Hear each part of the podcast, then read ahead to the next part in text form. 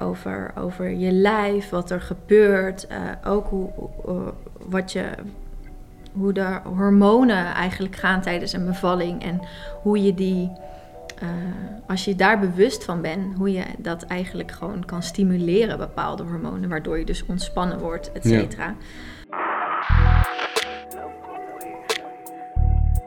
Welkom kijkers en luisteraars bij eh, het nieuwe seizoen van Papa's Dingen.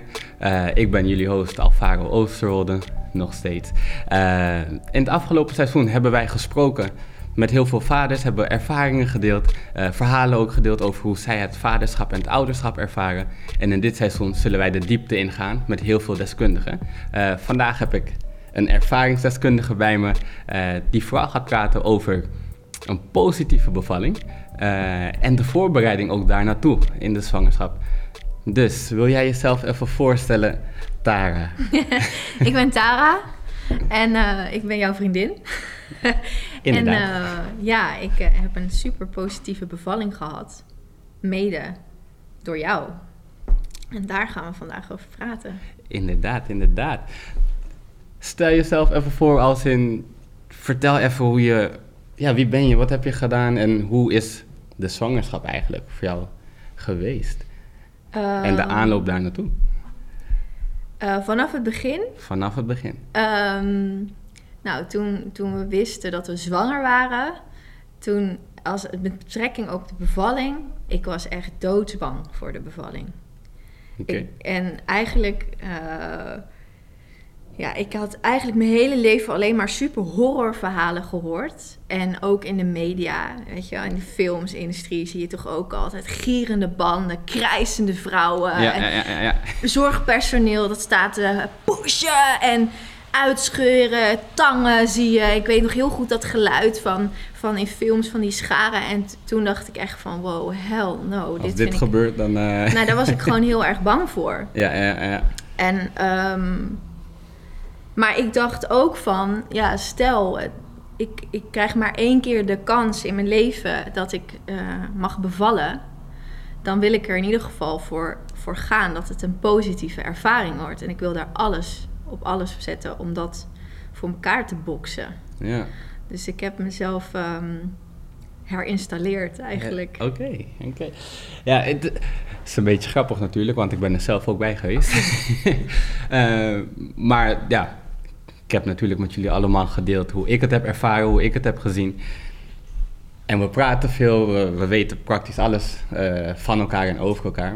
Maar toch ja, ben ik toch wel heel benieuwd naar hoe jij het innerlijk ook echt hebt ervaren om, ja, om, om te zien hoe je buik groeit, om te zien hoe alle hormonen eigenlijk door je lijf heen gaan.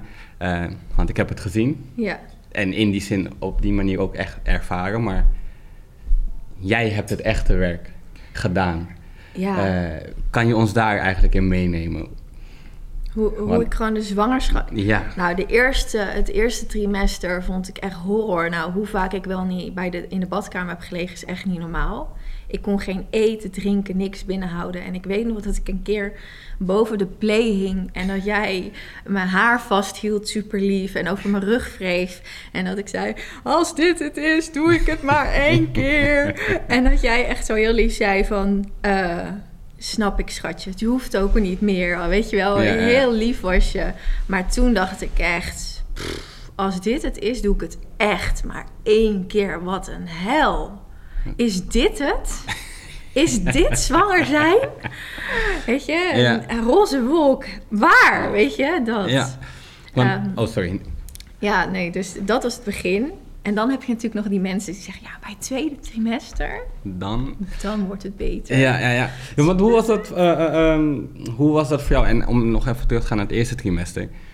Want we horen wel vaker dat eh, het eerste trimester is zwaar, is moeilijk, overgeven, morning sickness. Ehm, maar ja, ook dat verschilt weer per persoon. Ja. Dus had jij het gevoel dat jij echt het ergste van het ergste had daarin? Of dacht jij weer van, oh ja, er zijn mensen die het toch nog erger hebben dan ik? Het Ja, valt het wel mee. Het is wel moeilijk van, van, van waar ligt die grens dan? Van is dit normaal of Ja. is dit abnormaal?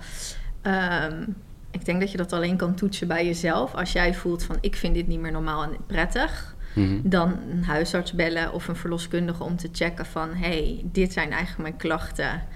Eh, Hoe erg is het? Hoe, hoe erg ben ik er aan toe? ja, eh, nou ja, en ik maakte me gewoon echt zorgen, omdat ik zo bewust met mijn voeding wilde omgaan. Omdat ik zo bewust van, ja, ik wil dat ons kindje het beste van het beste krijgt. Dat ik dacht, ja, hij krijgt niks binnen. Want Ja. ik kots alles uit. Mhm. Dus daar lagen ook mijn zorgen natuurlijk. Ja, ja, ja. Dus toen heb ik gebeld naar de huisarts, was het denk ik? Ja, huisarts. En toen kreeg ik ook pilletjes om die, om die misselijkheid Oh ja, ja, ja, tegen te gaan. Inderdaad. En ik denk dat veel vrouwen ook niet weten dat als het dus heel erg is, en de dokter bepaalt met jou mee natuurlijk of het heel erg is. Mhm. En die vond het toen ook wel extreem. En die zei, ja, we, kun- we gaan dit proberen om te kijken hoe dat gaat. En dat werkte wel. Eh, het ging wel wat beter. Ik kon wel wat beter dingen binnenhouden. Ja. Dus, maar heel veel vrouwen weten ook niet dat dat bestaat. Dat je dus wel degelijk je huisarts kan bellen voor zo'n... Ja, iets tegen die enorme misselijkheid. Zodat je wel iets van voedingsstoffen binnenkrijgt. Want je verslapt ook gewoon helemaal. Ja. ja, maar wat ik wel nog eh, weet, en je zegt het wel eens vaker, dat jij echt zo erg in je lijf zit dat je ook echt alle veranderingen ook gewoon eh, voelt. Wil je daar wat over? Ja, ik heb dus denk ik de? Ja. bevruchting... Nou, ik weet het eigenlijk. Ik heb de bevruchting gevoeld. ja, dit gaat voor heel veel, heel veel mensen keken ook altijd als ik dat nee, zei. Van, vertel even wat. ja, ja, Ja, er zijn niet veel mensen die, eh, eh, eh, ja, die dat zo intens ervaren eigenlijk. ja, Ik, ja. ik weet niet of je dat zelf ook hebt gehad. Misschien jullie zelf ook wel. Maar er zijn vaak verhalen dat het is van... oh ja, ik wist niet eens dat ik zwanger was. Of Ja, pas na ja. twee, drie maanden toen ik een buikje kreeg. Ja, of met negen ik, maanden. Mensen die gewoon met, gaan beginnen met bevallen. Ja, Zeker, jij was dus al vanaf day one als het ware van... hé, hey, iets is anders. ja, ja. Eh, ja, ik kan me dat dus niet voorstellen, omdat ik zo extreem dat gevoeld heb. Maar het bestaat. Mhm. Ehm, ja, ik weet nog echt dat wij... eh, het was in die kerstperiode dat Ja. we bij mijn ouders waren. En dat ik echt... We reden toen terug naar huis, hè? Ja, en daarvoor al. eh, ik heb een hele open relatie met mijn, met mijn vader. We spreken heel veel. Dus, ehm, en ik weet nog, jij was aan- boven aan het douchen of zo. En ik zei, ah, volgens mij heb ik weer zo'n kutblaasontsteking. Nou ja. En ik had jaren geen blaasontsteking gehad. Dus mijn vader ook van, jeetje, heb je dat nog steeds eh, zoveel? Want ik heb in mijn tienerjaren dat wel regelmatig gehad. Mhm. Ik zei, nee pap, dit is echt al jaren geleden. Dus ik heb ook tegen jou, schat, volgens mij heb ik zo'n kutblaasontsteking. En eh, nou, moeten we maar meteen bellen naar de huisarts. Want het was vrijdag en dan heb je dat weekend ertussen. Ja, en dan, ja. eh, weet je wel, als, iets, als ik iets irritant vind, dan is het een blaasontsteking.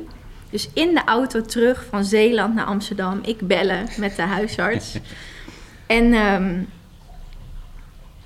ja, dan moet je eigenlijk natuurlijk urine afgeven. Dus En ik ging echt, nou ja, rente wil ik het niet noemen, maar ik zei wel van, ik weet het zeker, kijk maar in mijn dossier. Ik heb als tiener zoveel blaasontsteking gehad. Ik herken dit gevoel en ik probeerde haar echt te overtuigen om die antibiotica-kuur te krijgen, zonder dat ik mijn urine moest brengen, want het was bijna weekend. Kregen we. Ja. Toen heb ik toch, toen ik die antibiotica van de apotheek had gekregen, toch nog even kijken, gekeken, kan dit ook met de zwangerschap? Oh, echt? Ja, ja, nooit verteld? Nee. Ja, toch voor de zekerheid, want ik wist het toch niet helemaal zeker. En die blaasontsteking ging dus niet weg. Mhm.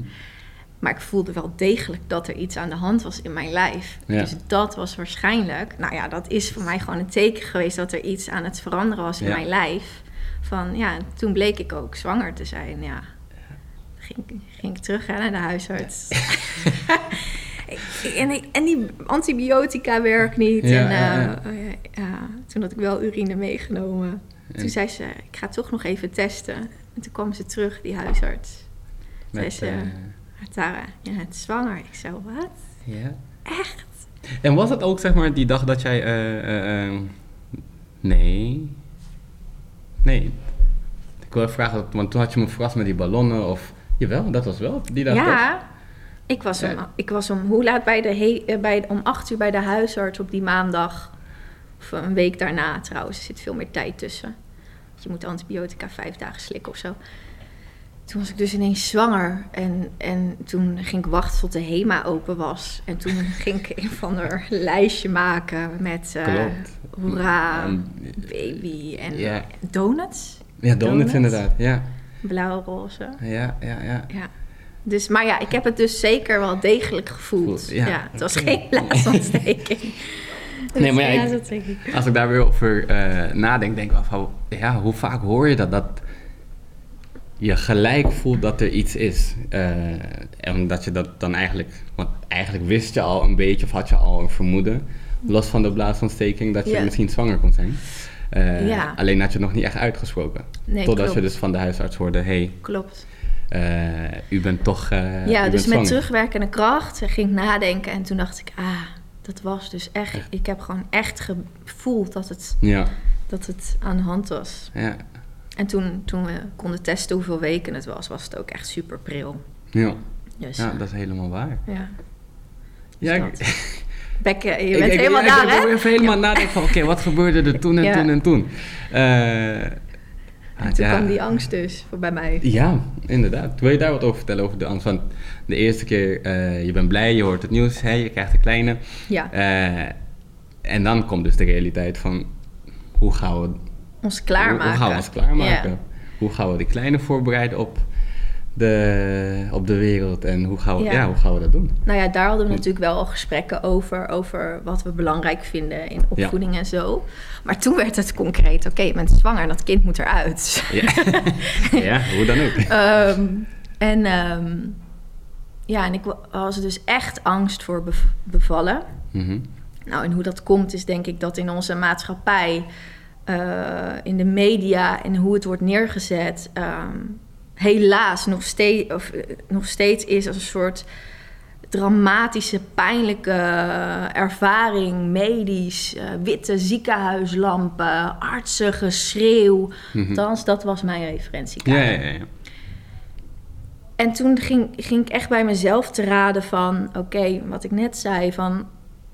stel ik mag het maar één keer in mijn leven doen. Want een zwangerschap, dat, dat is niet vanzelfsprekend. Dat is iets unieks. Zijn heel veel mensen waarbij dat niet lukt of heel ingewikkeld gaat. Dan wil ik niet vanuit angst vertrekken. Angst is voor mij nooit een goed vertrekpunt... om wat dan ook in mijn leven te doen. ja. Dus ik, ik, moet me, ik moet mijn mind resetten.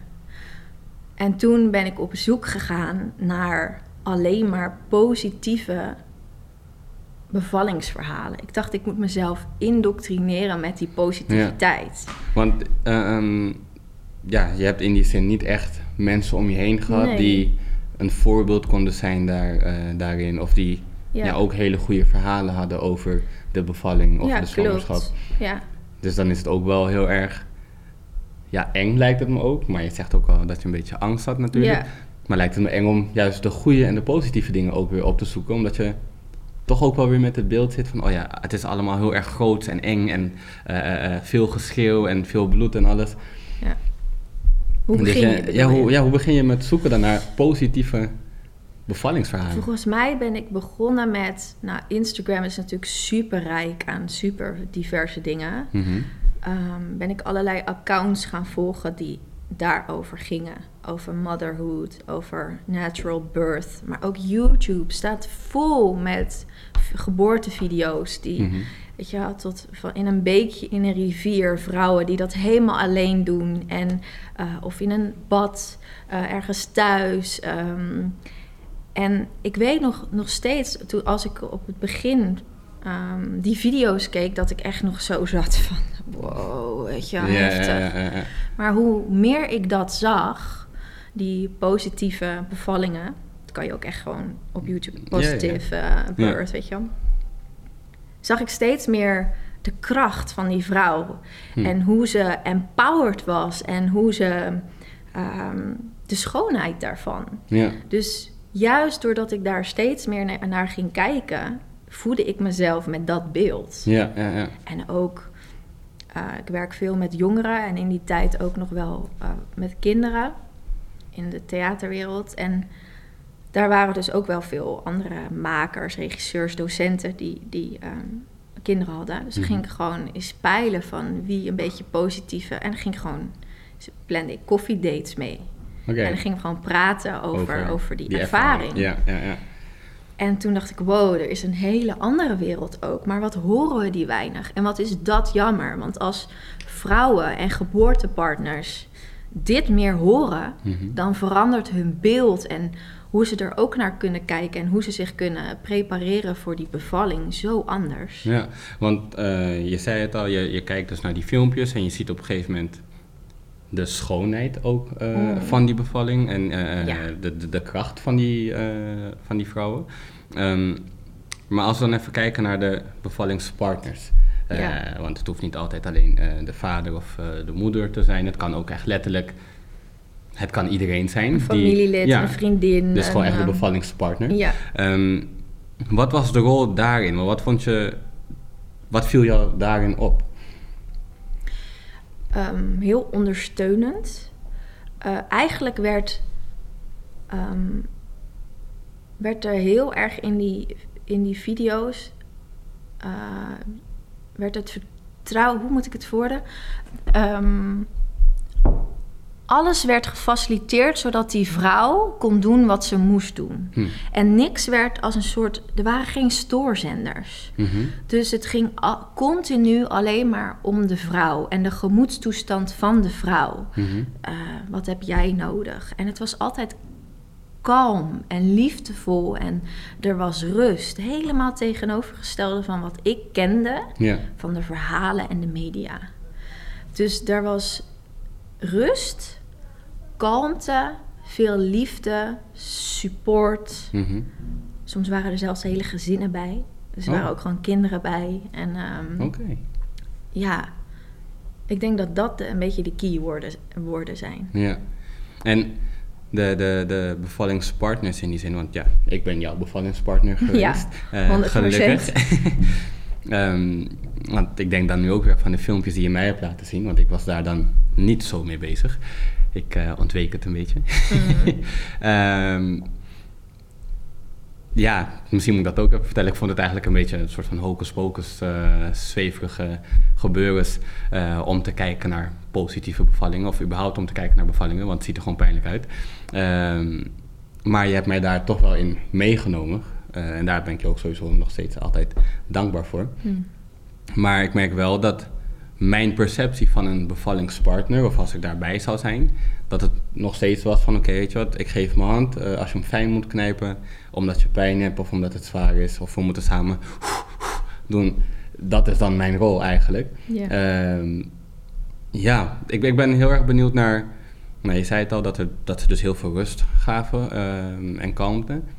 Maar hoe de bevallingspartners meer kunnen zijn en meer kunnen doen dan wat ik net eigenlijk omschreef. ja. Dat er dus is, hier hou mijn hand vast en doe je best. Ja, ik denk dat heel goed om te weten, er heerst, denk ik nog steeds in onze maatschappij een beetje wat, wat wij om ons heen horen Mhm. van, van mannen, van, ehm, van eh, ja, je kan als man eh, niks doen, weet je, Ja. Eh, weet je, en ik ben er voor haar en zo. Maar ik geloof echt dat je als ge- geboortepartner een bevalling kan maken of breken. Hm. Want een vrouw moet, voor, moet zich eigenlijk relaxed, beschermd en geliefd vo- voelen. Want als een vrouw zich relaxed voelt, gaat haar lijf ontspannen. Mhm. En dat heb je nodig om te kunnen baren. Ja, Als je een, een moeilijke drol moet leggen, ja, dat ga, ga je ook niet goed doen met spanning. Je moet Ja. het ontspannen kunnen doen. Ja, Misschien ja, een beetje een rare vergelijking. Maar zodra je hebt juist die ontspanning nodig en die focus. En als jij dus gestoord wordt door iets, wat het ook dan mag zijn, dat beïnvloedt dat proces. ja, Dus die partner, die heeft juist een hele belangrijke taak, namelijk dat bewaken. Hm. Dat die vrouw ontspannen kan blijven. Alle stressfactoren weghouden. ja, Ehm, ja, dat is, dat is een heel belangrijk. ja, ja. En eh, waar, eh, waar jouw partner die gaat baren relaxed van wordt, eh, dat is natuurlijk voor iedereen anders. natuurlijk. Maar wij hebben daar zoveel over gesproken. eh, wat, waar, van oké, wat vind jij belangrijk? Waar word je relaxed van? Wat moet er wel zijn en wat niet? Zodat jij je kan focussen. En wij hadden daar zoveel over gesproken, voelde ik mij op het moment suprême Mhm. heel erg gedragen en kon ik me dus ontspannen, omdat ik wist, Alvaro weet wat ik wel en niet wil. Ja, voordat je verder gaat, want ik wil dan nog even een paar stapjes terug. Mm. Eh, want ik wil het hier ook over hebben. Maar hoe hebben wij ons daarop voorbereid? Hoe hebben wij die gesprekken gevoerd? Hoe eh, eh, eh, hebben wij eigenlijk kennis? En eh, ja, je mag drinken. Nee, ik bedoel dat ik dat glas naar je hoofd gooide. Ik negeerde dat, je mag Oh. een nee, maar ja, hoe hebben we ons daarop voorbereid? Hoe hebben wij die gesprekken gevoerd? Ja. En eigenlijk, hoe zou je dat niet per se zo over kunnen nemen, maar, maar hoe zou je dat voor jezelf zo kunnen toepassen? Hmm. Want ik geloof ook inderdaad, net wat je zegt, dat de bevallingspartners, weet niet of ze het maken of breken, maar ik geloof wel dat ze eh, van essentieel belang zijn, eh, als ze er zijn. Ehm, Ja, omdat hoe- ik net wat je zegt, wel, ik heb wel de rust en de, de, de kalmte eh, 100%. bewaard en beschermd Ja. in dat moment. En eigenlijk ook een beetje de heiligheid van zo'n moment, ja, heb ik toch wel weten te beschermen. Ja, Eh, maar ja, daar ging ook een heel gesprek aan vooraf. zo, dat was ook een rollercoaster. want, want ja, we bego- ik had dan die angst. En Ja. jij zat eigenlijk, om het even heel erg eh, uit elkaar te trekken... is ik had heel erg angst voor bevalling. En jij zat eh, eh, nog heel erg van, ja, zij moet het doen. Ja, Ja, zij is ja, zwanger, ja, ja. toch? Daar begonnen Ja, we. ja, ja, eigenlijk om heel even zo dat te zeggen. Maar ik ging die video's kijken. ehm, ik ging heel veel lezen uit het boek van Nina Pierson. Mama, dat is echt mijn geboortebijbel. Hier, kijk zijn hoofd. Ehm, Voordat je verder gaat, het boek eh, is geweldig. Schijnt voor heel veel vrouwen, eh, moeders, misschien ook vaders, eh, de mensen die het hebben gelezen. Ik en een aantal andere mensen die ik heb gesproken, vonden het wat minder interessant. ja, maar dat komt omdat het geschreven is voor, voor vrouwen. Het is Ja. voor vrouwen geschreven.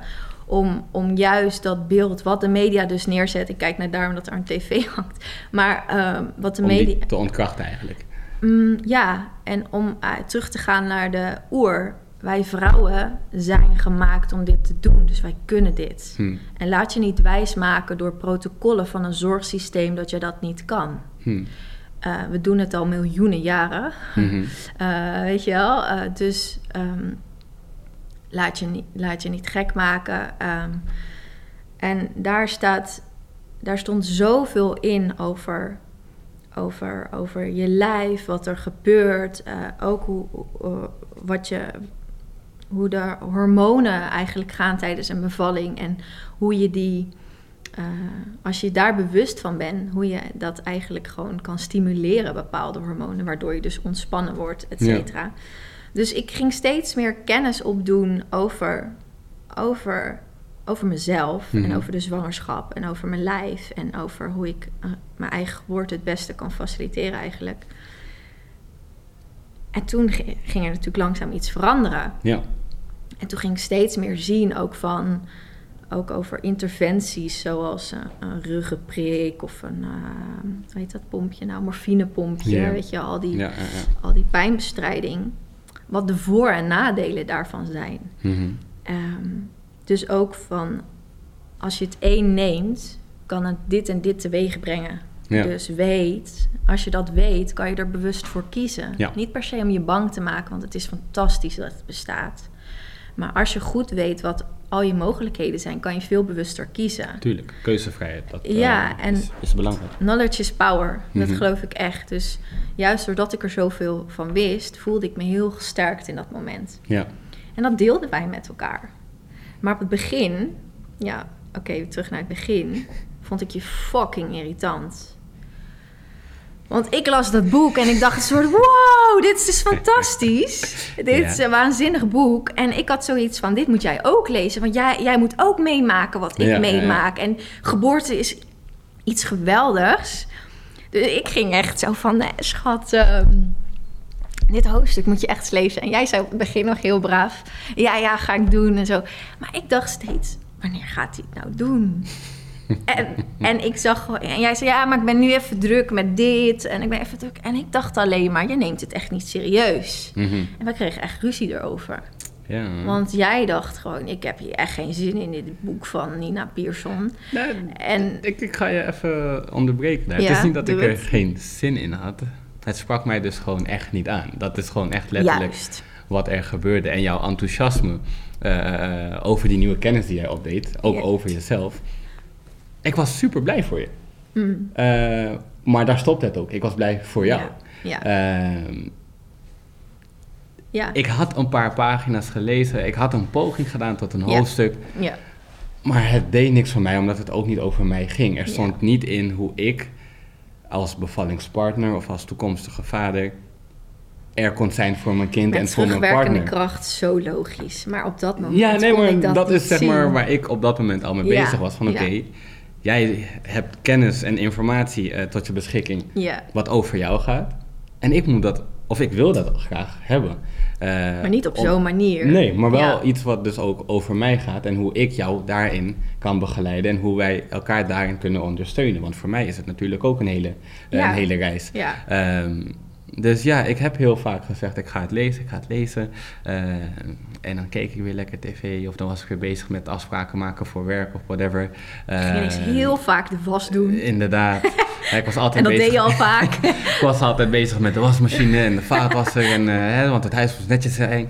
Ehm, dus Ja. ik had geen tijd om te lezen. Maar ik weet nog dat jij een keer een boekenlegger of iets... Je had in ieder geval iets bij een bladzijde gezet van lees alleen deze paragraaf, lees dit stukje alsjeblieft, want dat is wel echt een highlight. eh. Ja. En ik heb het gedaan. Ja, En ik, letterlijk na de tweede zin, waren mijn gedachten alweer poef, ergens anders. ja.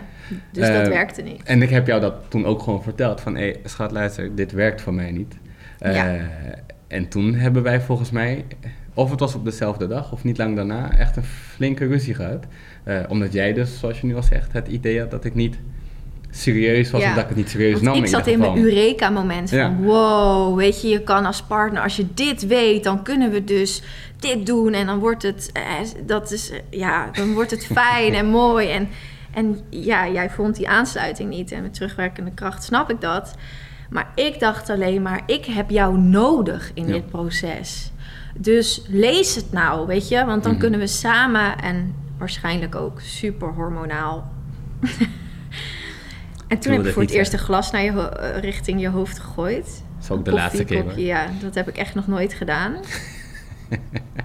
Toch? Dat was Ja, echt nee, ja. heftig. Dat ik ook zelf dacht, wow, daar. Oké.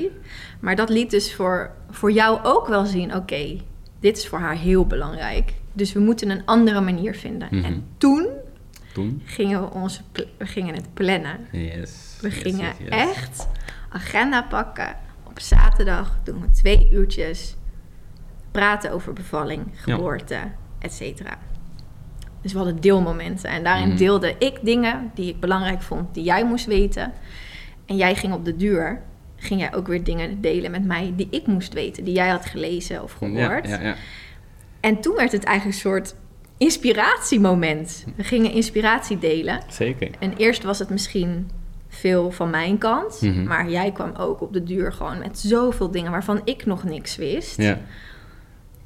En toen voelde ik steeds meer dat vertrouwen van... hé, hey, hij is betrokken. Hij Ja. is hier met mij. Ik Ja. voelde me gezien en we konden praten over ziekenhuisbevallingen, over thuisbevallingen. Want ik wilde graag thuis bevallen Wat ik heel eng vond. op het begin. Ja, ja, ja. Maar ja, dat is eigenlijk ook weer puur omdat je eh, groot wordt gebracht met... Of groot gebracht. Je ziet filmseries, Ja. hè? je leest boeken ehm, en ook verhalen om je heen. Van, oh ja, ik verloor zoveel bloed en ik heb zoveel geschreeuwd en het was Mm. dit en dat. En gelukkig was er een arts, want die kon het toen allemaal eh, eh, eh, ja. redden, goed doen. Dus ja, nee, ik had ook zoiets van, als we in het ziekenhuis zijn, dan zijn we al op de plek waar we moeten zijn, mocht het fout gaan. Ja, Ehm, dat gaf maar- jou een heel veilig gevoel. Zeker, maar als ik nu er terug aan denk, en ook aan wat je net zei, om te vertrekken vanuit angst is best wel een ding. Is, is best wel, Ja, kan, kan best wel ja, ja, verlammend werken ook, ook op je, op je denkwijze. ja. En dat is waar ik ook vanuit vertrok. Ik vertrok vanuit angst, want als het fout gaat, ja. zitten we ergens goed. Ja. En ik keek niet naar wat inderdaad er mooi was en wat er wel goed ging of wat er wel goed kon gaan. Ja. Ehm, dus dat heeft mij inderdaad ook wel weer echt de ogen geopend.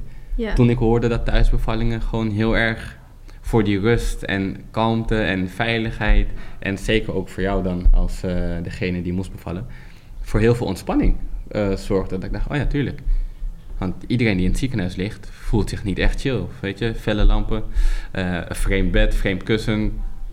Je bent liever in je eigen bed. Je wil altijd gewoon huis. Ja, en, en er zijn natuurlijk ehm, veel mensen die dan juist die veiligheid voelen.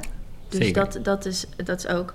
Maar ik ging, wij gingen toetsen van oké, als, als je weet dat die ontspanning en die rust en die kalmte en ook zelfs donkerte zorgen Mhm. voor de hormonale cocktail die je nodig hebt om een baring, ehm, om een baring zo prettig mogelijk te, Mhm. te doen.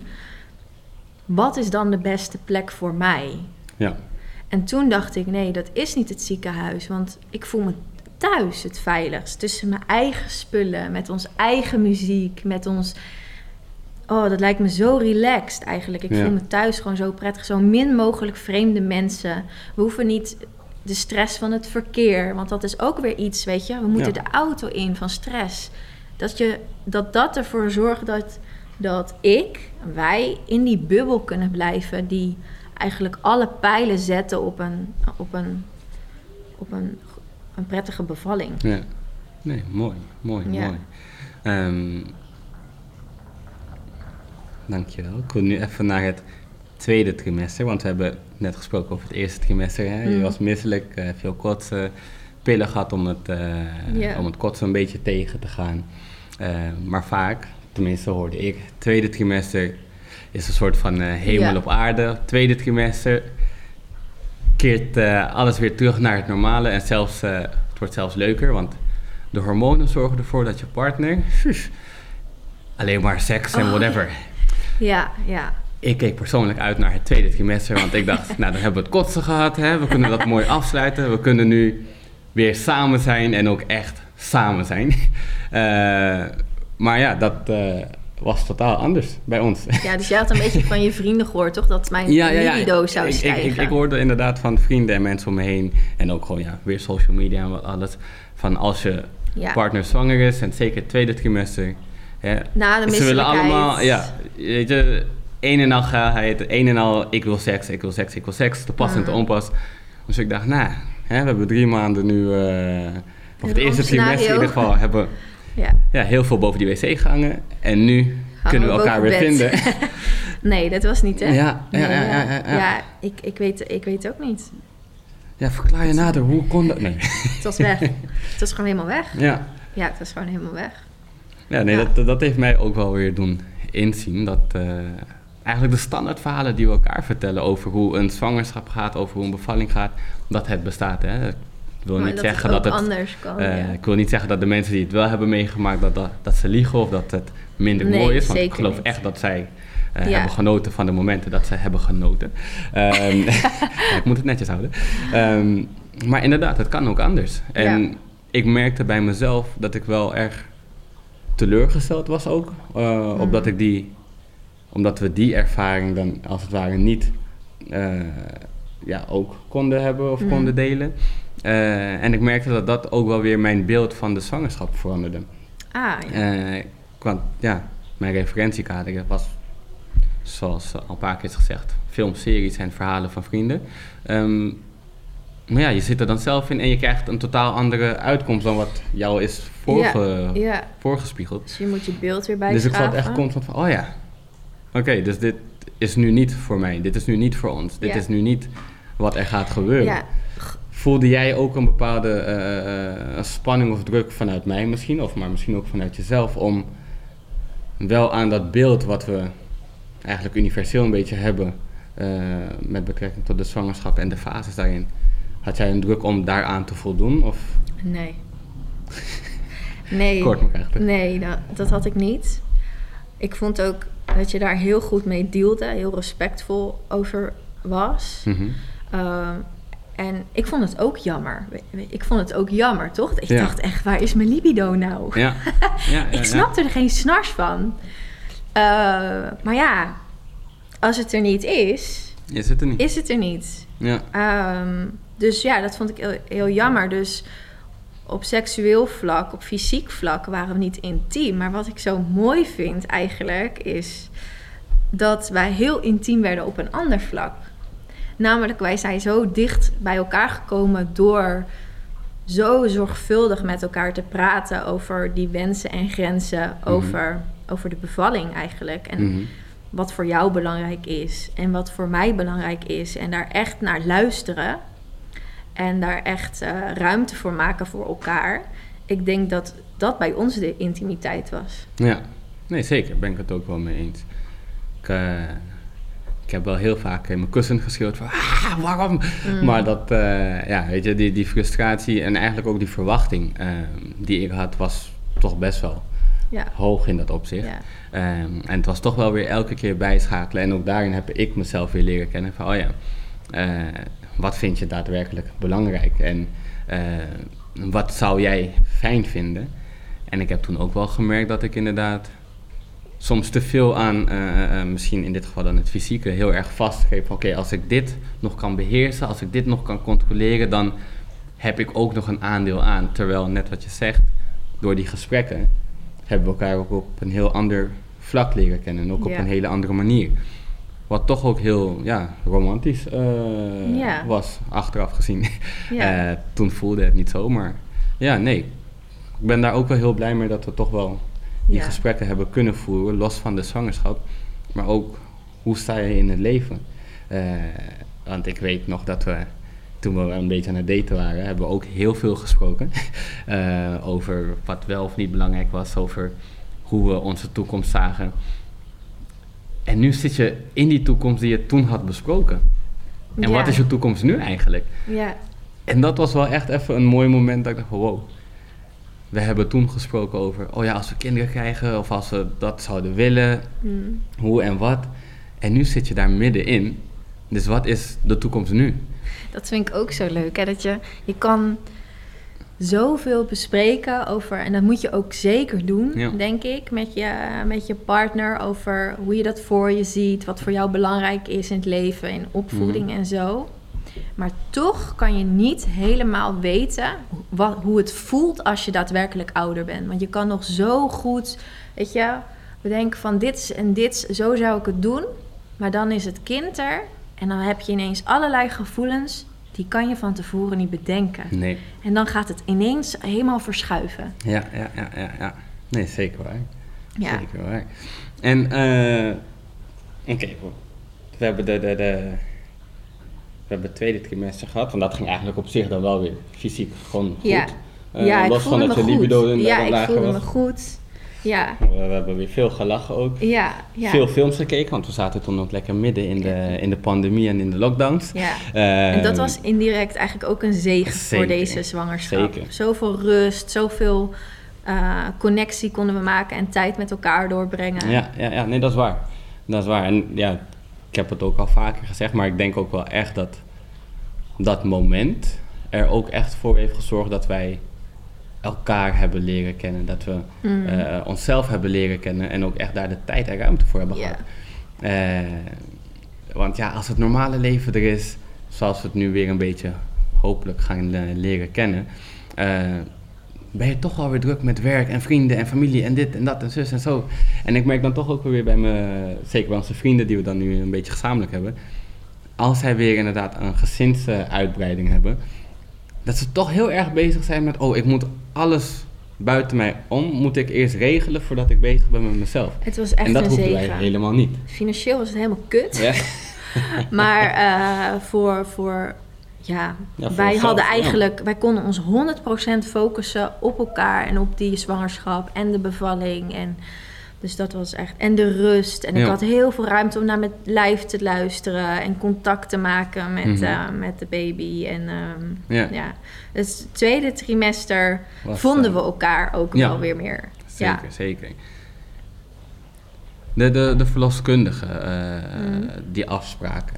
Ja. Want hè, je bent zwanger, je zoekt dan eigenlijk, eigenlijk ja, laten we het daar even over hebben. Hoe is de zoektocht geweest naar de juiste verloskundige, Oh, ja. juiste eh, eh, eh, kraamhulp eigenlijk ook. Ja. Want dat zijn allerlei zaken die ook midden, ja, te midden van alle hectiek van de Ja. zwangerschap toch ook geregeld moeten worden. Ja, bij de huisarts kreeg ik een tip door voor een verloskundige praktijk. Mhm. Nou ja, en je stapt een soort nieuwe wereld in, namelijk van die zwangerschap. Nou, ik weet helemaal niet hoeveel verloskundige praktijken er zijn en waar je op moet letten. Dus ik belde gewoon de verloskundige praktijk die ik geadviseerd had gekregen van Ja. mijn huisarts eh, bij ons in de buurt. En dan gingen we gewoon naartoe. Eh, Was dat ook gelijk de eerste waar we zijn gebleven? Ja, Ja. ja, ja, Oké. ja. En, ehm, en we hebben wel even getwijfeld of we daar zouden blijven. Mhm. Want hoe meer wij wisten over zwangerschappen, bevallingen en wat we wilden, hoe meer we gingen twijfelen of zij bij ons pasten. Ja. ja. of zij ja. echt ruimte eh, wilden geven aan het minder controleren. Ja. Eh, Maar wa- sorry, was het ook niet met, eh, want natuurlijk zo'n verloskundige praktijk, ze hebben meerdere verloskundigen. Ja. En we hadden met eentje of met twee hadden we een hele goede klik. En met, ja, even, ik zal het even oneerbiedig zeggen, nummer drie en vier weer wat minder. Eh, maar die zagen we dan weer juist weer wat vaker, nummer drie en vier. Had je daar toen ook niet... eh, verloskundige praktijk? ja. Weet je dat niet meer? Nee, ik weet niet wat je bedoelt. Als in- ik, had, ik heb er één gebeld en daar zijn we naartoe gegaan. Ja, bij de praktijk. Maar Ja. in die praktijk heb je een aantal artsen, toch? Oh, sorry. Ja, ja. Dus dat bedoel ik dus Ja. arts nummer 1 en 2. Ja, dat was een ding. Klik mee. En, Dus ja, het was in principe een kleinschalige, verlos, een kleinschalige verloskundige praktijk. En dat vonden wij wel belangrijk. Dat, Ja. dat we alle verloskundigen kenden die mogelijk bij onze bevalling konden zijn. Ik zou het heel vreemd vinden dat er ineens iemand bij mij staat die ik nog nooit heb gezien of één keer bij zo'n belangrijk moment in mijn leven. Mhm. Dus ik wilde echt voor waken dat ik mij heel prettig, dat wij ons heel prettig bij die persoon voelden en vertrouwd. Mhm. Omdat wij wisten, dat is belangrijk voor die ontspanning. Ja. En op de duur waren wij tegen eh, over de helft en we hadden nog steeds niet iedereen gezien. Nee, dat is waar. En toen twijfelde ik wel heel even. En ik merkte ook dat bij de ene had ik, hadden we meer een klik dan de ander. En toen twijfelde ik ook wel echt even of, of ik niet een freelance, eh, een ZZP-verloskundige wilde die gewoon één op één Hmm. deed. En waardoor wij echt een band konden opbouwen. Ja. Oh, maar ik wilde iets vertellen over die klik. Dat je natuurlijk bij de een heel erg voelt van... Want wij wilden een thuisbevalling, een badbevalling. En er zijn verloskundigen die, die moedigen dat aan. En die zeggen, weet je, dat moet je doen. En het wordt heel mooi en krachtig. Dat kun je heel stimulerend. Mhm. Maar je merkt ook dat er verloskundigen zijn die, die veel meer zitten op de protocollen. En Ja. ehm, eh, veel meer, eh, ja, die daar Ja, gewoon dit aan zijn de vast... regels Dit zijn de eh, regels en daar naartoe willen sturen. Maar ik voelde me daar niet prettig bij. Dus toen dacht ik van, ja, maar je wil me nu in een hoekje duwen waar ik niet in pas. Mhm. En het is mijn freaking bevalling. Het is niet jouw bevalling. Het, is, het gaat om het leven van mijn kind. Mhm. Ehm, dus toen had ik wel een beetje van, hmm, is dit het wel? Mhm.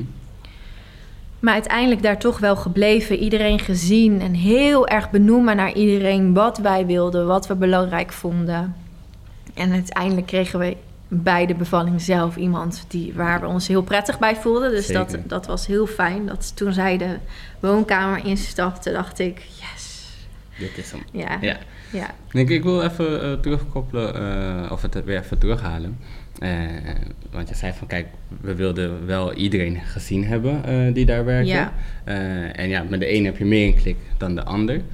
Maar de reden voor je twijfel was dus omdat je ja, toch wel merkte van, ik heb nog niet iedereen gezien. En sommigen die stuurden toch wel weer meer naar een soort bevalling wat jij of wat wij dus niet wilden. ja. Ehm, we hebben, want ik heb daar hoe dus... ze met jou omgingen. Zeker, zeker, want dat wilde ik dus zeggen.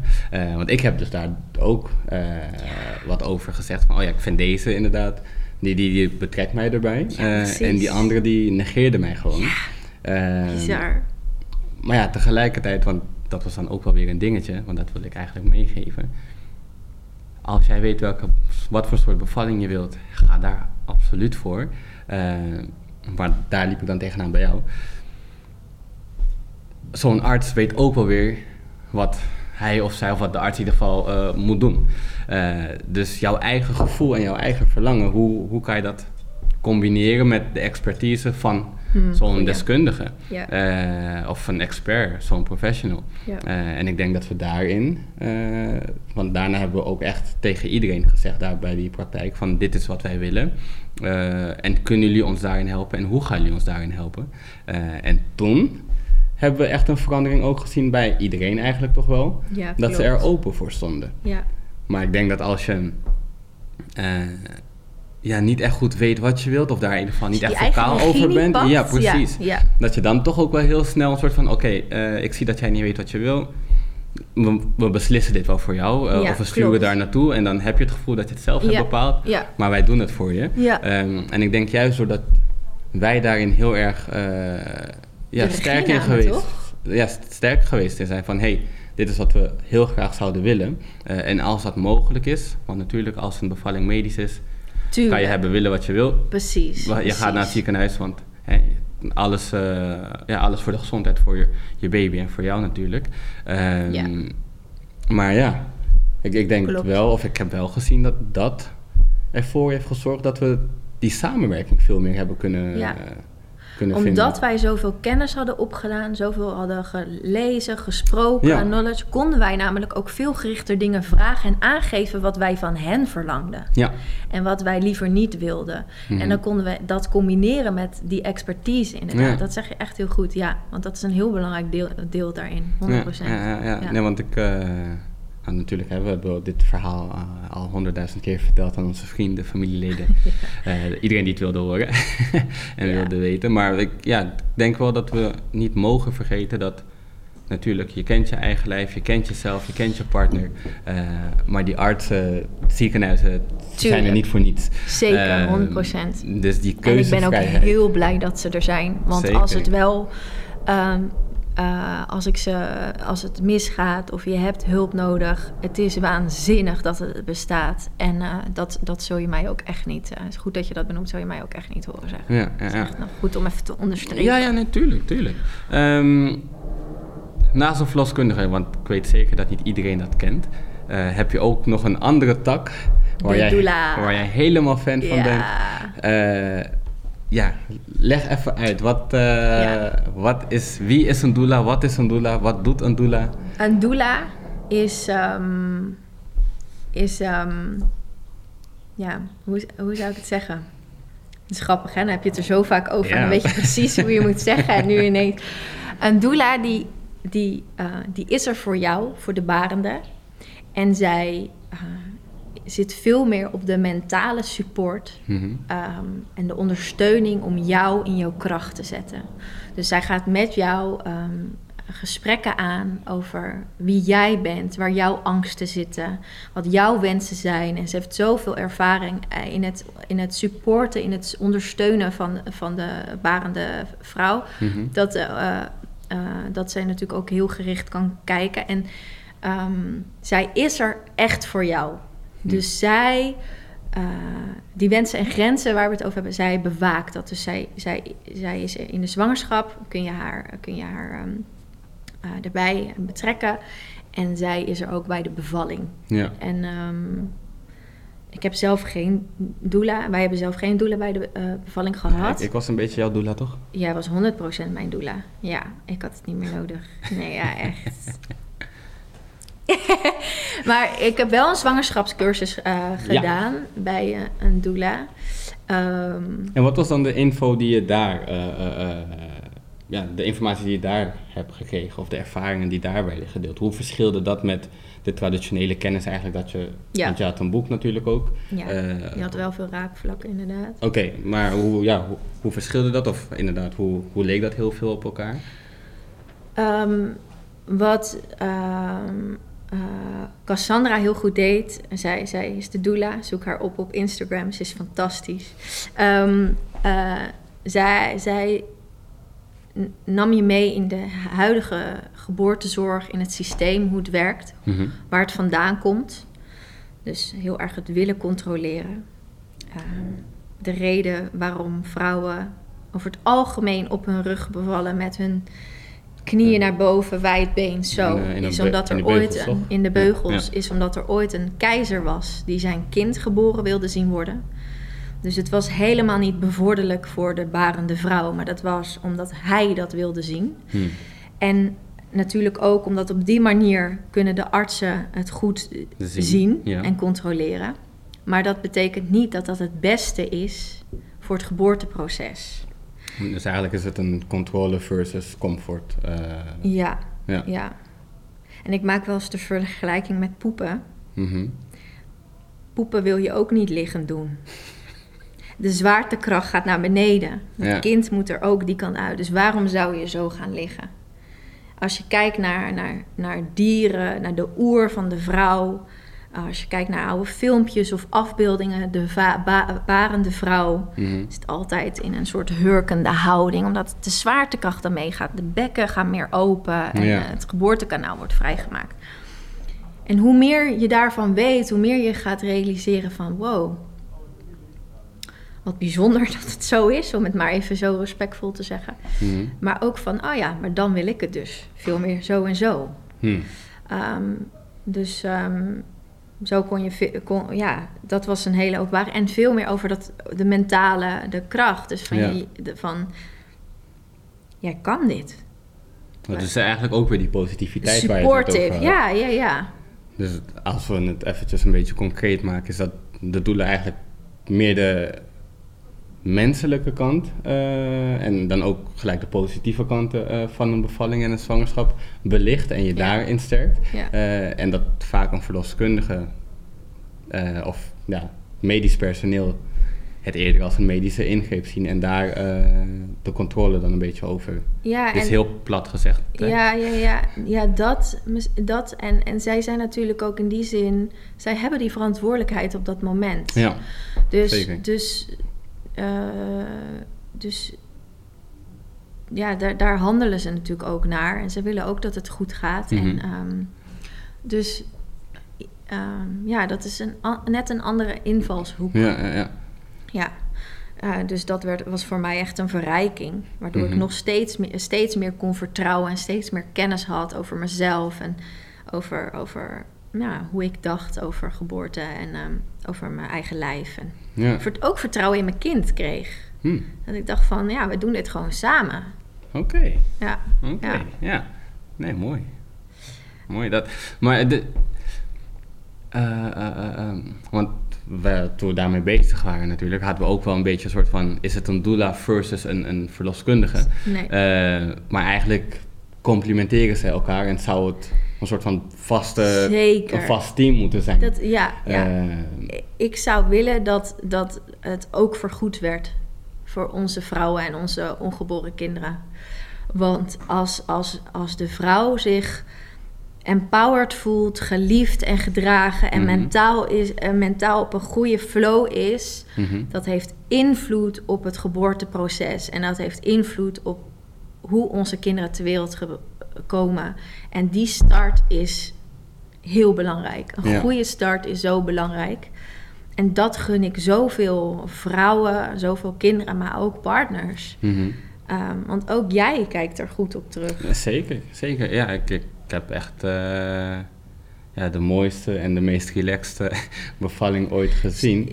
Ja, Eh, en ik weet dat jij dan eh, zeker toen aan het begin niet zo leuk vond, maar ik vond het gewoon heel makkelijk gaan. Eh, als in die rust inderdaad die er was en de, de, de, het vertrouwen. hoe dat, ga, hoe dat is gegaan? Vertel? Ja. Wij hadden dus uiteindelijk zin in de bevalling. Ja. Toch? We waren op het punt Nee. gekomen dat we dachten: oké, we got this. Weet je? Ik zat goed in mijn lijf. Ik maakte contact met de baby. Ik keek er naar uit. Vier uur in de nacht werd ik wakker. Mhm. Ging naar de wc. Ik eh, veegde de boel af. En ik denk: wat is het allemaal voor smurrie?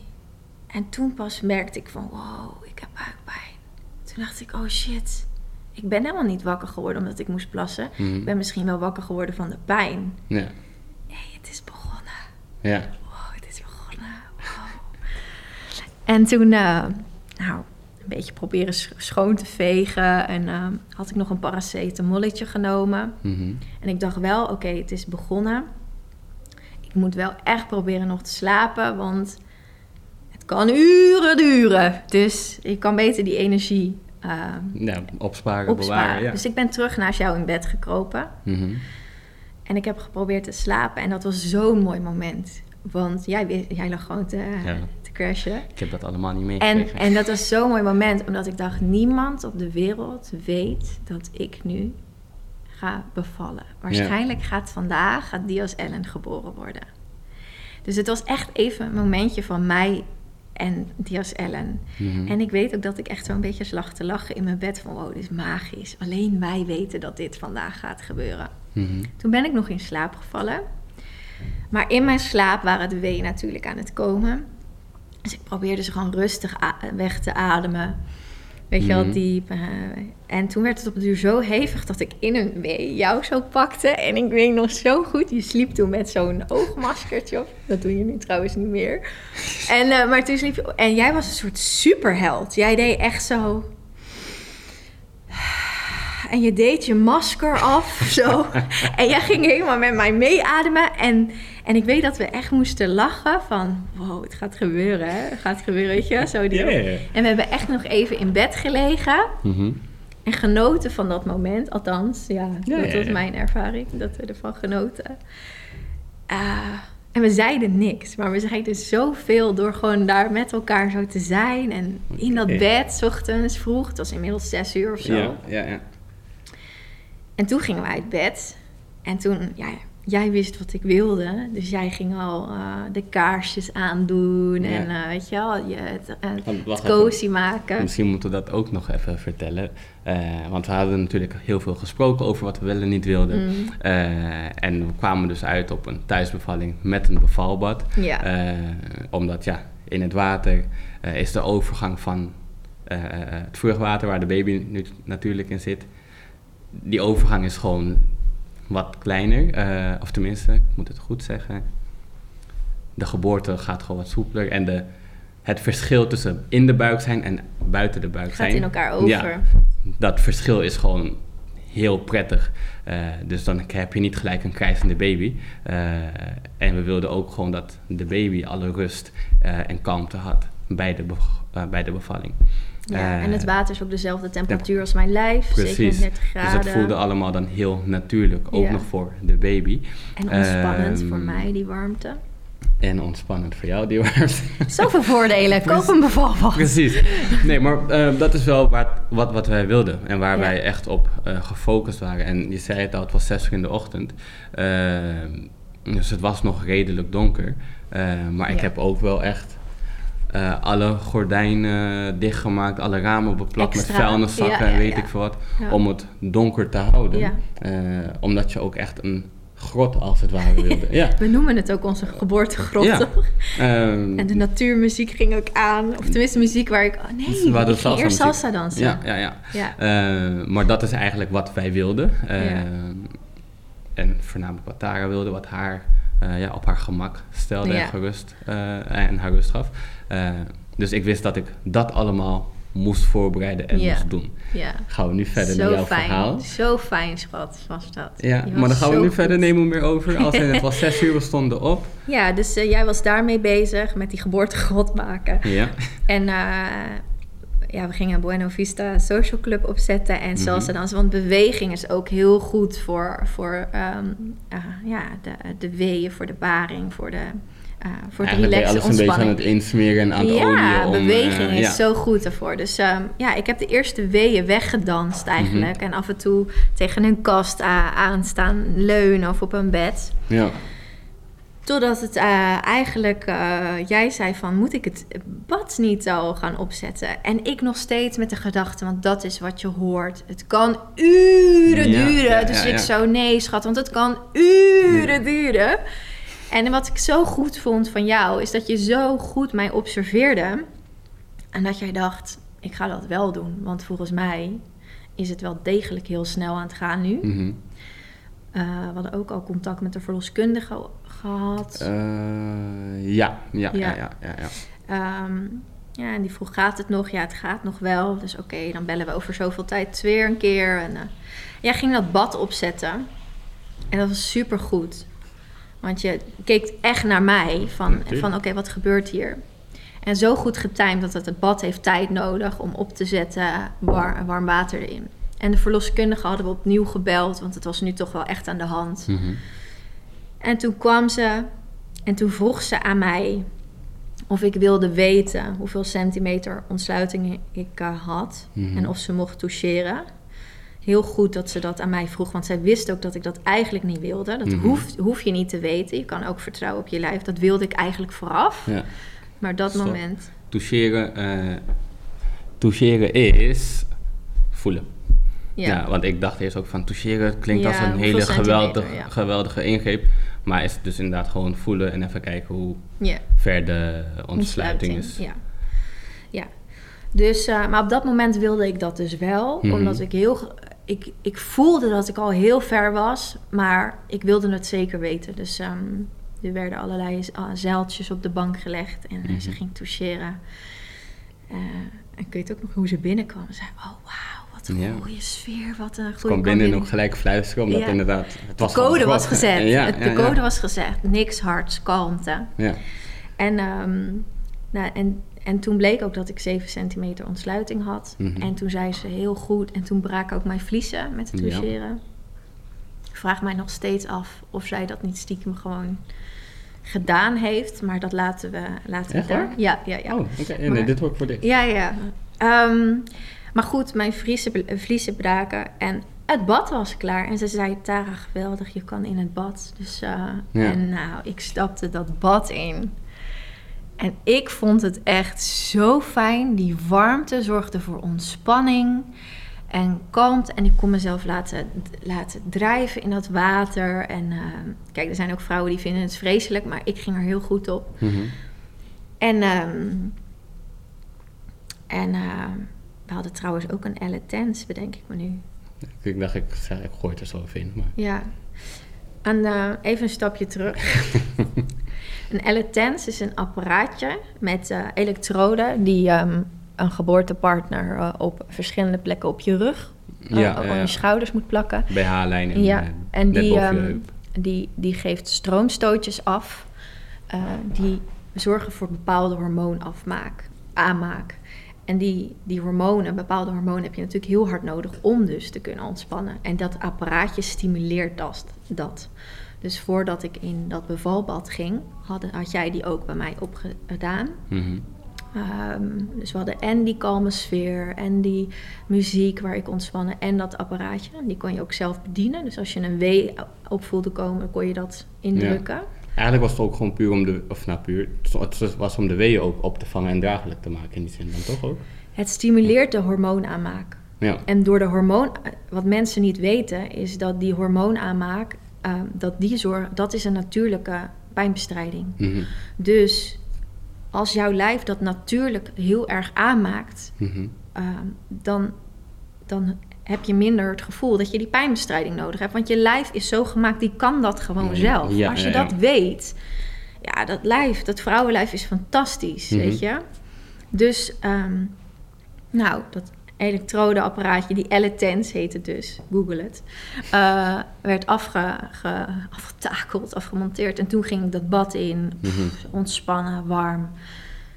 En op de duur lag ik zo op de rand en jij zat aan de buitenkant. En Mhm. je was ongelooflijke lieve dingen in mijn oor aan het fluisteren. Over hoe goed ik het deed en, en hoeveel je van me houdt. En, en ik zei denk ik ook zoveel dingen terug. En daardoor, dat was zo fijn. Ik voelde me zo gedragen. Mhm. En toen kwamen de persweeën. Ja. En toen dacht ik wel even: wow, het is groter dan jezelf. Het is zo, zo krachtig, het is zo, zo sterk Mhm. dat, dat ons lijf dat kan maken. En ik weet nog dat ik zo ontspannen lag tussen alle weeën door. Ik probeerde echt helemaal los te laten. Dat ik echt opsteeg. Wow, wat is dit? En dat jij mij gewoon weer terughaalde in mijn focus. Want ik dacht, ik was echt geneigd, denk ik, als jij me ja. niet eh, in mijn focus terug had gebracht om me te kunnen verliezen in dat gevoel van, want het is zo heftig. Mhm. En dat jij zei, blijf hier, blijf hier, blijf bij mij. Ja. Doet het heel goed, blijf ademen. En toen haalde je me weer terug in die, in die rust. Mhm. En dat waren inderdaad de persweeën. En eh, jij hebt ook op de duur, toen ik echt, echt DSL eruit ging eh, drukken, Mhm. zat je op de duur achter mij, lag ik zo in dat bad. En eh, was jij continu eigenlijk mij aan het strelen om, weet je, dat knuffelhormoon Ja. te blijven aanmaken. En, en ja, heb ik het, ja, het was intens, maar ik voelde me, het is de meest empowerende ervaring. Ik voelde me op en top vrouw, dat mijn lijf, dat ik dit kan doen. Mhm. En ehm, ik voelde me zo veilig. En die als Ellen, die kwam eruit. En, en, hij, en hij lag ook echt zo... Hij dreef in het water. Mhm. En we hebben hem ook echt eventjes daar gehouden en Ja. gekeken. Want die overgang is, is dus inderdaad wat jij zegt. Zo smooth. Water van water, vruchtwater naar badwater. Dezelfde temperatuur. En hij lag echt zo... Hij had en- eigenlijk nog niet eens door dat hij hij geboren had was. eigenlijk, denken wij, niet door Ja. dat hij geboren was. En hij lag daar. En ik heb echt een mind picture forever. Ik dacht, wow, ja, dit is hem. En ik dacht ook, wow, dit is een kleine Alvaro. Ja. En toen, toen, toen, toen hebben we echt even naar me gekeken. En toen heb ik hem gepakt en op me gelegd. Mhm. En ehm, hij moest ook niet heel hard huilen, want die overgang was dus zo smooth. Dus dan valt er ook niet zoveel te huilen. En wat de verloskundige zo goed deed, die, die was ook niet van kijken, stress veroorzaken. Ja. Ze was heel goed aan het observeren, maar op afstand. En kon heel goed in, inschatten hoe het met Diaz Ellen ging. Mhm. En, eh, en toen begon hij een beetje te pruttelen en te huilen. Ja. En warm gehouden onder dat water. En zo hebben we denk ik twintig minuutjes gelegen. ja, toch wel. En ehm, uiteindelijk natuurlijk voor de nageboorte, Mhm. voor de placenta, moesten we uit, uit, Uit bad, uit ja. bad. Toen begon hij wel heel hard te krijsen. Ja, tuurlijk. Toen dacht ik, wow, dit is koud. ja, oh, dit is anders. Maar dat was zo... Jij was absoluut mijn doula. Jij hebt alles naar al mijn wensen en grenzen geluisterd. En, en, en wist wat ik belangrijk vond. Dus waardoor ik kon loslaten en ontspannen. En die ontspanning heb je als vrouw nodig. Hm. Dus dat heb je echt fantastisch gedaan. Dankjewel. En graag gedaan natuurlijk. Ja. Dat, eh, ja, kijk, kijk. Ik ben nu zelf ook weer helemaal terug eh, Mm, bij dat moment. Eh, ja, nee, maar nee, net wat je zegt, het was gewoon heel magisch. Het was heel, heel kalm, heel rustig. En ik was ook heel erg verbaasd over mezelf dat ik dus die angst die ik aan het begin had, eh, Hmm. toen we spraken over het eerste trimester en zo, eh, die angst en die gedachte van oké, eh, ik bied mijn hand aan als het moeilijk wordt en ze mag hem fijn knijpen, eh, breken, whatever. Eh, want ik had ook nog wel eens gehoord van ja, je wordt helemaal uitgescholden van wat doe je hier, je bent lelijk, je hebt mij dit aangedaan. dus ik dacht van oké, dat ga ik natuurlijk over me heen krijgen. Maar juist dat ik ook gewoon in die rust en die kalmte daar kon zijn. En eigenlijk dat we alles vanuit liefde en ja, positiviteit ook wel echt hebben gedaan. En niet vanuit angst en oh, oh, oh, wat overkomt me nu. eh, heb ik dus ook een hele mooie ervaring Ja. eh, eh, eraan overgehouden. Dus dat vind ik ook wel echt heel, heel mooi. En ook, ja, dank je wel daarvoor. Eh, want ja, die gesprekken uiteindelijk hebben daar toch ook wel voor gezorgd. En ik ben ook heel blij dat elke keer als ik hierover praat, dat ik dus een hele mooie ervaring heb. En ik vind het dus ook wel weer heel jammer dat er dus heel veel eh, eh, eh, mensen zijn, stellen zijn, die zich daar dus niet in kunnen vinden. Hmm. Die juist zeggen, nee, het was, het was, het was heel erg, ik voelde me alleen. Of het was heel erg heftig en ik wist niet hoe of wat. En, en Wat- natuurlijk... Wat moest ik doen? Ja, precies. Dus ik vind het wel gewoon echt heel mooi dat wij, ik, daarin dan toch ook wel een beetje de uitzondering kan zijn en mag zijn. Ja, En, en, ik hoop ook dat we daarmee dan wel echt, eh, ja, dat, dat we die verandering gewoon langzaam maar zeker ook teweeg kunnen Mm. brengen. Dat een bevalling dus ook iets heel rustigs en krachtigs ja. en mooi en ja, positief en minder hectisch kan zijn. Hmm. Natuurlijk als het nogmaals medisch is of hè, als je toch overmand wordt door emoties. Het kan en mag allemaal, zeer Zeker. zeker. Maar het is ook wel echt iets kams. En dat vind ik heel mooi dat Ja, wij dat Ja, zo hebben mogen ervaren. ja. En toen je daarover begon, dacht ik, oh, daar wil ik ook meteen iets aan toevoegen. Ik denk namelijk dat wij niet per se de uitzondering zijn. Hm. Ik denk dat het best wel veel gebeurt, maar er wordt zo weinig over gesproken. En ik denk dat het heel goed is voor aankomende ouders Mhm. dat ze meer dit soort verhalen horen. Dus eigenlijk dat, dat herinstalleren wat wij hebben gedaan, dat, dat eh, eigenlijk jezelf overwelmen met positieve verhalen. Wat je aandacht geeft, groeit. Dus als je alleen maar aandacht geeft aan die negatieve verhalen of je angst, dan groeit je angst. En dan ga je ook alleen maar die negatieve verhalen om je heen horen. Mhm. Maar als we dit soort verhalen blijven delen en ons daarmee blijven inspireren, ik denk dat dat uiteindelijk een positieve werking heeft op, op, op onze nieuwe. Op de komende generatie. Ja, ja, ja, zeker. Want ik weet zeker, wij, wij zijn niet de uitzondering. Er wordt alleen wel uitzonderlijk minder over gesproken. Hm. Dus ehm, dat zou eigenlijk mijn tip zijn. Weet je, ga Ja. op zoek naar die positieve verhalen. Wat hebben die mensen gedaan? En deel je verhaal. Zeker. Want dat is, kan heel inspirerend zijn voor iemand die misschien nog heel angstig is of niet weet wat hij kan doen. Ja, zeker. Dus zeker. dat. En ik denk ook, eh, dit is dan even een tip voor de vaders of toekomstige vaders, eh, mannen op zich of aan zich. Ehm, praat ook inderdaad en vertel ook wat jij belangrijk vindt. Ja. Eh, en ook al heb je daar nog niet over nagedacht, Ja, ook dat kan je vertellen. Ehm, want een bevalling, een zwangerschap, je zit er samen in, hoe je het draait of keert. Eh, en wat je overtuiging ook mag zijn. Jullie hebben het, als het goed is, samen gedaan. Eh, en hoe de bevruchting dan eh, plaats heeft gevonden, maakt ook niet echt heel veel uit. Maar je zit er samen in, jullie zijn partners. Dus stimuleer elkaar daar ook gewoon in. En vertel ook van, hey, ik vind het juist eng of juist niet. Of dit is mijn kijk hierop. En luister ook naar je partner als die een andere kijk heeft. Want zo kunnen jullie samen dus wel echt ja, ervoor zorgen dat je een fijne ervaring eh, tegemoet gaat. En hoe Mm. die ook mag zijn, dat eh, is voor de toekomst. Maar dat je wel in ieder geval een fijne en een goede ervaring eraan overhoudt. Ik denk dat dat heel waardevol kan zijn. Eh, en dat je ook heel blij bent met elkaar.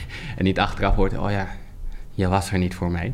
of oh ja, je hebt Mm. mij niet de ruimte gegeven om te zijn of om te kunnen doen wat ik had willen zijn en kunnen doen. Dus ik denk dat dat, ja, nogmaals wel echt, ja, is een gouden tip. Doe ermee wat je wil. Ehm, ik denk dat we eigenlijk ook wel een beetje aan het Ik einde zijn van, eh, van deze aflevering. Ja. Ehm, ja, we zijn met een nieuw, begonnen met een nieuw seizoen. Ik vraag eigenlijk aan mijn gasten altijd om iets mee te nemen wat eh, staat voor vaderschap. Gaat bij jou een beetje moeilijk.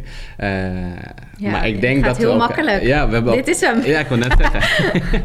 ik denk dat wij elkaar hebben meegenomen. Ja. Eh, Ja, dus nee, nogmaals, eh, lieve schat, dank je wel dat je hier aan tafel wilde schuiven. Dank je wel voor het delen van jouw verhaal. En dan wil ik ook weer jullie als kijkers en luisteraars bedanken voor jullie aandacht. En dan tot de volgende aflevering.